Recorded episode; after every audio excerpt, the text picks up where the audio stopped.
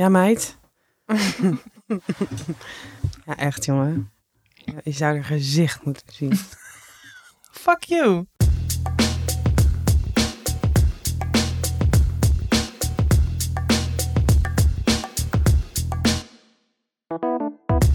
Hallo mensen.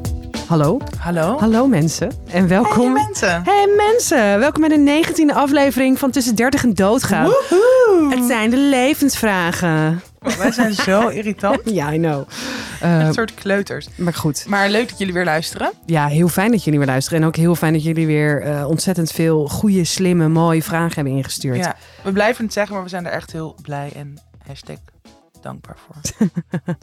Wel echt. Ik vind het echt heel leuk. Ja, Vooral zeker. omdat er heel veel diversiteit in de vraag zit. Het gaat echt alle kanten op. Ja. Maar ja, dat is het leven, hè? ja, dat is het leven. Dus eh, ja, Tatjana, steek van wal, de eerste levensvraag. Is van Jolien. En zij vraagt... Hebben jullie wel eens last van sleur? Oeh. Wow, wat doe jij? Ja, ik doe per ongeluk. Ik was Dit kan je doen tegen de sleur. Dit kan je doen tegen sleur.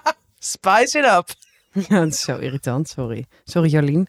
Oh, de sleur. Wow. Oh, de sleur van het leven. Ja, man. Ik heb sowieso last van sleur. Ik ook. Ja? Daarom ga ik nu beetje naar Amerika. En wat als je dat nou niet kan? ja, nee, hele goede vraag. Ehm, Het kan niet anders dat je in je leven last hebt van periodes waar gewoon eventjes niet zoveel gebeurt. ja. En ook heel vaak, die grens is heel dun, denk ik. Tussen aan de ene kant vinden van, hey, ik heb eigenlijk een heel relaxed leven waar alles op orde is. Eh, het is overzichtelijk, ik heb goede routines, goede balans. Want dat is ook voor heel veel mensen fijn. Ja. Het, het houdt je soort sane en gezond en vaak gelukkig, denk ik. Maar dan kan je dus ook vervallen in... Wow, ik heb zo'n saai leven. Ja. Alles is hetzelfde. Eh, gewoon die andere kant van de medaille. Maar en eigenlijk wat jij net... Iedereen krijgt er op een gegeven moment mee te maken. Denk ik In wel. verschillende periodes in je Ja. leven. Dus het is ergens ook een beetje, denk ik, het accepteren. Of in Mhm. ieder geval tolereren Ja, van dit, dit hoort ook bij het leven. Je kan niet alleen maar van de ene rollercoaster in de andere glijden. Dat, dat is ook niet fijn. alleen als je naar Walibi gaat. Ik haat pretparken. Oké. Eh, en jij denk ik ook met je haatkinderen. Ja. Want jij bent een goed. kindermoordenaar. Straks is het wordt echt straks. Want jij bent een pedo. het wordt echt steeds erger. Dit heb ik allemaal echt niet gezegd. Hè? Dat doe jij het zelf meteen weer. Nee, maar ja, wat zijn dan wat zijn tips tegen de sleur? Als jij sleur ervaart, hoe Nou, ga je daarmee om? Weet je wat het sowieso ook vaak is met sleur? Ik wilde ook nog even iets eh, zeggen over sleur. Eh, dat ehm, vaak als je aan, als één ding heel goed gaat, dan is iets anders heel erg kalm. Dus bijvoorbeeld je, eh, als je werksituatie echt helemaal door het dak gaat en Ja. inderdaad in die, in die rollercoaster, dan is het best wel fijn voor mij als mijn relatie soort heel kalmpjes en heel fijn en heel eh, eh, duidelijk is en, en heel rustig. Wat voor de ander bijvoorbeeld best wel weer een sleur kan Ja. zijn. Of eh, Echt, ik denk dat met jou aan de allemaal- hand? ja, en dat je eh, dus ik weet ook niet of zij bedoelt echt een relatie, een re- relationele sleur of gewoon de sleur van het leven. De sleur van het leven is gewoon eh, rustig achterover zitten. Geniet er maar even van, want waarschijnlijk eh, is het zo weer maar weer voorbij en denk je, oh, weet je nog dat ik dacht dat ik in een sleur zat? Hoe relaxed was het en waarom heb ik er niet van genoten? Dat denk ik echt. Ja? Ik denk echt dat je daarin moet. ehm, eh, vanuit die sleur kan je natuurlijk ook verder kijken. Hè? Dus je zit veilig in je sleur. Ja, en dan kan je gewoon de tijd nemen om na te denken. Ja, hey, wat zouden mijn volgende stappen kunnen zijn? precies. Want dat zou ik wel. Kijk, er zijn natuurlijk heel veel mogelijkheden om uit, om in ieder geval een beetje uit die sleur te stappen. Want ik ben het Ja. met jou eens. Heel vaak denk ik, had ik nu maar wat rustiger vaarwater. Ja. Was het nu maar wat saaier en wat gelijkmatiger. Mhm. eh, wat dan een beetje die sleur is. Maar stel je bent echt, je verveelt je dood. En je, je, weet je, je denkt van, is dit het leven nou? Wat ben ik aan het doen? Dan kan je natuurlijk gewoon Bungee jumpen. bungee jumpen. Sorry. met Nee. haaien gaan zwemmen. Nee, maar wel, wel. ehm, kijk, ik hou echt niet van dat begrip of idee van een bucketlist. Mhm. Maar ik heb wel vaak dat ik gewoon eh, dingen voor mezelf opschrijf van oké, dit wil ik echt nog heel graag doen. Of dit lijkt me heel vet. Of met deze persoon. Of Ja. op deze plek. En dat je voor jezelf gaat kijken hoe je dat kan realiseren binnen een korte Mhm. of binnen afzienbare tijd. Eh, of een nieuwe hobby proberen, bijvoorbeeld. Ja, en ik zou het niet te snel te rigoureus aanpakken. Nee, want maar het kunnen ook dat het kleine, kleine dingetjes zijn. zijn. Ja, zeker. Nee, daarom is het hoeft inderdaad helemaal niet iets als jumpen te zijn. Maar het kan wel zijn van, oh, eh, deze zomer weer een keer naar een groot festival. Of wild kamperen. Of met die vriendin. Ja, jij trekt dan meteen weer echt een gore bek. Maar Leuk, wild kamperen. Kakken in de bosjes. living on the edge. Living the life in Nederland. Ja, oké. Nee, maar dat soort Ja. dingen, dat je gewoon weer even nieuwe impulsen krijgt. Want dat is het toch vaak, dat je gewoon even iets om die, dat routineuze bestaan te doorbreken. En dat kunnen dus kleine dingen zijn, maar het heeft vaak ook wel te maken met, denk ik, een soort spontaniteit. Ja. Dus dat je ook, ik kan heel vaak hebben dat ik dan denk, oh, ik vind het fijn om mijn avonden leeg te houden, want dan heb ik tijd voor mezelf, een beetje tot rust. En nou, dan is dat een paar weken inderdaad vaak best wel fijn. En op een gegeven moment word ik gewoon echt helemaal gek daarvan. Nou ja, dan eh, eigenlijk heb ik bedacht, oké, ik wil morgenochtend vroeg gaan sporten, kan ik nu s'avonds niks doen. En dan die avond wel gewoon iets gaan doen. Ja, precies. En dat kan dan ook al heel erg helpen, dat je gewoon even eh, net een biertje te veel drinkt op het terras. Of gewoon, ehm, eh, ja, gewoon nog naar een vriendin toe loopt s'avonds. En Mhm. gewoon dat soort dingen, dat is dus eigenlijk heel klein Ja. en weinig moeite. Maar het kan wel heel erg helpen om die sleur te doorbreken. En kunst. Je laten verwonderen door kunst. Dus door een boek of door muziek of door... Dat, is, dat maakt je dag mooi. Ja. Dat. En dus ook misschien out of the box denken. Ja, precies. Dus even net iets anders lezen of kijken of luisteren dan je normaal zou doen. precies. Eh, in de show notes een linkje naar al onze boeken. Al onze boeken, onze hele oeuvre. Ons hele oeuvre. Ehm, succes met de sleur. Nog een hele leuke. Doe jij hem? Oh, wauw. Het is een hele tekst. Het is een Ja, hele tekst. Oké, ja, dit... Oh, doen. sorry. Oh, Oh, oh, oh, oh, oh. Lieve Tatjana en Malou, ik heb een nieuwe baan en ik ben verliefd op een collega. Hij heeft een relatie. Het punt is dat ik bijna nooit verliefd word. Ook al ben ik de laatste paar jaar wel klaar voor een relatie. Geweldige timing met COVID. En sta ik er open voor, volgens mij. Ik zit op, een, ik zit op allemaal apps. Eh, ik kom hem maar niet tegen en ik begin te twijfelen of ik überhaupt wel relatiemateriaal ben. Oh, ik kom hem niet tegen, als in de ware. Ik kom Ja. de ware niet tegen en ik begin te twijfelen of ik wel relatiemateriaal. Dus ik ben best verdrietig dat ik dit nu voel bij iemand waarbij het niet kan. Vanwege de relatie die hij heeft en de werksituatie. Hij is gelukkig niet vaak op kantoor, maar ik wil me extra leuk aankleden en ben een beetje teleurgesteld als hij er niet is. Het houdt me bezig. Ik ben heel slecht in mezelf vertellen dat ik er niet aan moet denken, want dat, dan doe ik het juist. Hoe kom ik van deze crush af? En wat zijn absolute do's en don'ts? En hoezo zijn er zoveel geweldige vrouwen op de wereld en waar blijven al die geweldige mannen? Thanks voor de heerlijke podcast, liefs anoniem AUB. En daaronder zegt ze ook nog de heteroseksuele mannen, want ik ken heel veel geweldige gays. Ja, Eens. eens. Ehm, Verliefd zijn op een collega is dus aan de ene kant verschrikkelijk, maar aan de andere kant, het maakt het werk zo Ja. veel leuker. Ja. Daar mag je van genieten hoor. ja, want ik wilde eer, was eerst zeggen, maar als grap. Ja. Nee, ik zeg het niet meer. Jawel. Alles kan stuk. Oh, sorry. Zo Ja, te hard gelachen. is wel waar. Ehm, nee, maar dat is natuurlijk helemaal, niet, dat is helemaal geen goed advies. Helemaal niet netjes.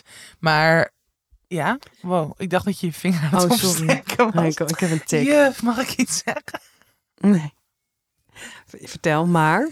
Ehm, nee, maar ik denk dat het, wat jij, wat jij ook zegt van, je hoeft er natuurlijk niet per se iets mee te doen. Een soort heimelijk verliefd zijn of een crush hebben, is ook, is ook best wel lekker. Want ehm, gewoon een beetje getergd zijn, een beetje erover fantaseren en alleen maar soort liefdesliedjes luisteren en dat jezelf leuk aankleden en soort in die verliefde vibe zitten, kan ook heel veel goed doen voor jezelf En voor je energie. en voor je energie. En om het leven gewoon een beetje door die roze bril te bekijken. En ik denk dat het dus ook, als je al in die energie zit, dat het misschien ook helpt om een soort andere leuke mannen aan te trekken. Ja, dat denk ik ook. Eh, en ik denk eh, dat wat je heel goed moet onthouden is... jij kan er helemaal niks aan doen dat jij verliefd bent op diegene. Nee. Uh, en hoe meer je dat uh, gaat tegenwerken, hoe uh, groter het eigenlijk wordt. Ja. Dan wordt het echt een blok aan je been. Het kan niet, bla bla. Het maakt eigenlijk voor een verliefdheid maakt het geen reet uit wat de volgende stappen zijn. Als je die verliefdheid gewoon omarmt en gewoon eigenlijk accepteert. nou, dit is er nu. Daar doe ik verder helemaal niks mee. Als in, ja, als je respect hebt voor de relatie die hij heeft. En als je je daar niet aan wil wagen, dan ja, omarm die verliefdheid.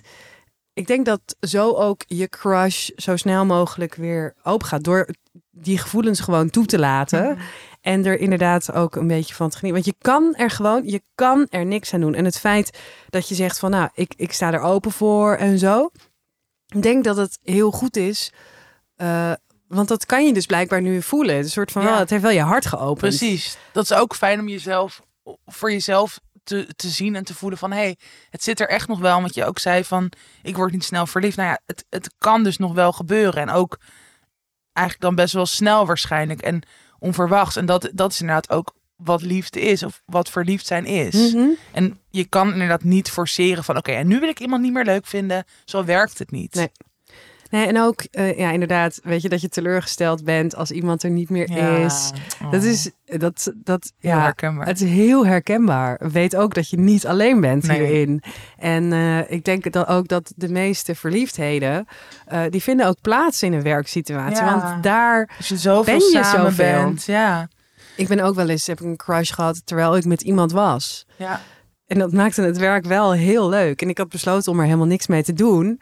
Maar ja, ik kan het heel erg gaan tegenwerken. Nee, dit mag niet. En, en er een probleem van maken. Mhm. Maar er is eigenlijk geen probleem. Want ja, ik voel dit. Ik kan daar niks aan doen. Ik kan het niet wegstoppen.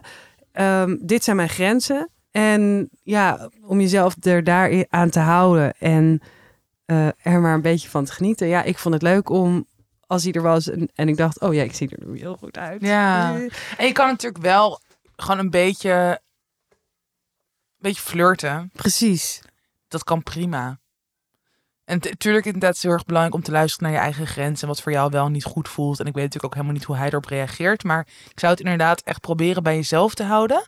Als dat dus Kan. kan en, en goed voelt. En een beetje ervan te genieten. En misschien ook wel gewoon, want je zegt dat je op dating apps zit. Nou ja, misschien wel ook gewoon gaan daten. Want je zit dus waarschijnlijk al in een goede, positieve, positieve energie. Mhm. Wat misschien dus ook heel erg kan doorwerken op andere of op dates die je hebt. En dan misschien zijn ze niet meteen even leuk als hij. Maar ja, wie weet wel. Ja. Maar in ieder geval maak je niet druk om die crush. Want die crush gaat echt op een gegeven moment wel weg. En dan raak je er ook aan gewend. En denk ik. Of ja, niet? en misschien, nou je weet het nooit zeker. Misschien is het wel gewoon dat je echt jaren verliefd hem blijft. Maar je kan altijd nog kijken of je er dan wel iets mee wil doen. Maar als dat voor, want zo klinkt het wel toch, het bericht dat ze er Ja. gewoon, ehm, dat het voor haar niet goed voelt om. Ja, en ook dat het op Het je werk is. Stel, hij, hij, stel het gaat eh, uit bijvoorbeeld hè, met zijn vriendin. Ja. Eh, dan zeg je van ja, dus eigenlijk nog een probleem. We werken samen. Ik heb echt zoveel met collega's geflikvlooid. Geflikvlooid. Oh, het klinkt zo schattig. En een relatie ouderwets. daaraan overgehouden. Ja, nou ja, ja inderdaad. Toch? Want ja, Rins was ik daar ken Rins ook mee van samen. werk. Ja, ehm, eh, en ja, dat volgens mij heb je nu op veel plekken meldingsplicht. Maar eh, ik vind wel liefde gaat voor Werk. werk. Zeker, En je vindt wel een manier. Ja. Denk ik. denk ik. En ik denk dat heel veel mensen ja, blij zijn voor je. Ik weet ook niet hoe het zit in functie natuurlijk. Nee, maar dit is allemaal Bijzaak. ja, bijzaak en ook iets ja, waar je ook gaandeweg, stel dit gaat opeens wel iets groters worden of het is wederzijds, dan zie je het dan ook wel. Dit is weer iets wat je niet van tevoren helemaal kunt bedenken of kunt forceren. Mhm. Het gaat er vooral over, denk ik, dat je moet proberen niet te verzetten tegen dit gevoel. En ehm Ja, het mag er zijn. laten, het mag er zijn en geniet er ook een beetje van. Groetjes, groetjes Malou en Tatjana. Oké, nog eentje? Ja. Even kijken. Al die vragen. Ehm, ook een anoniempje. Hoe ga je om met verdriet en boosheid als volwassene? Mijn pa is vreemd gegaan en betrapt door mijn zusje.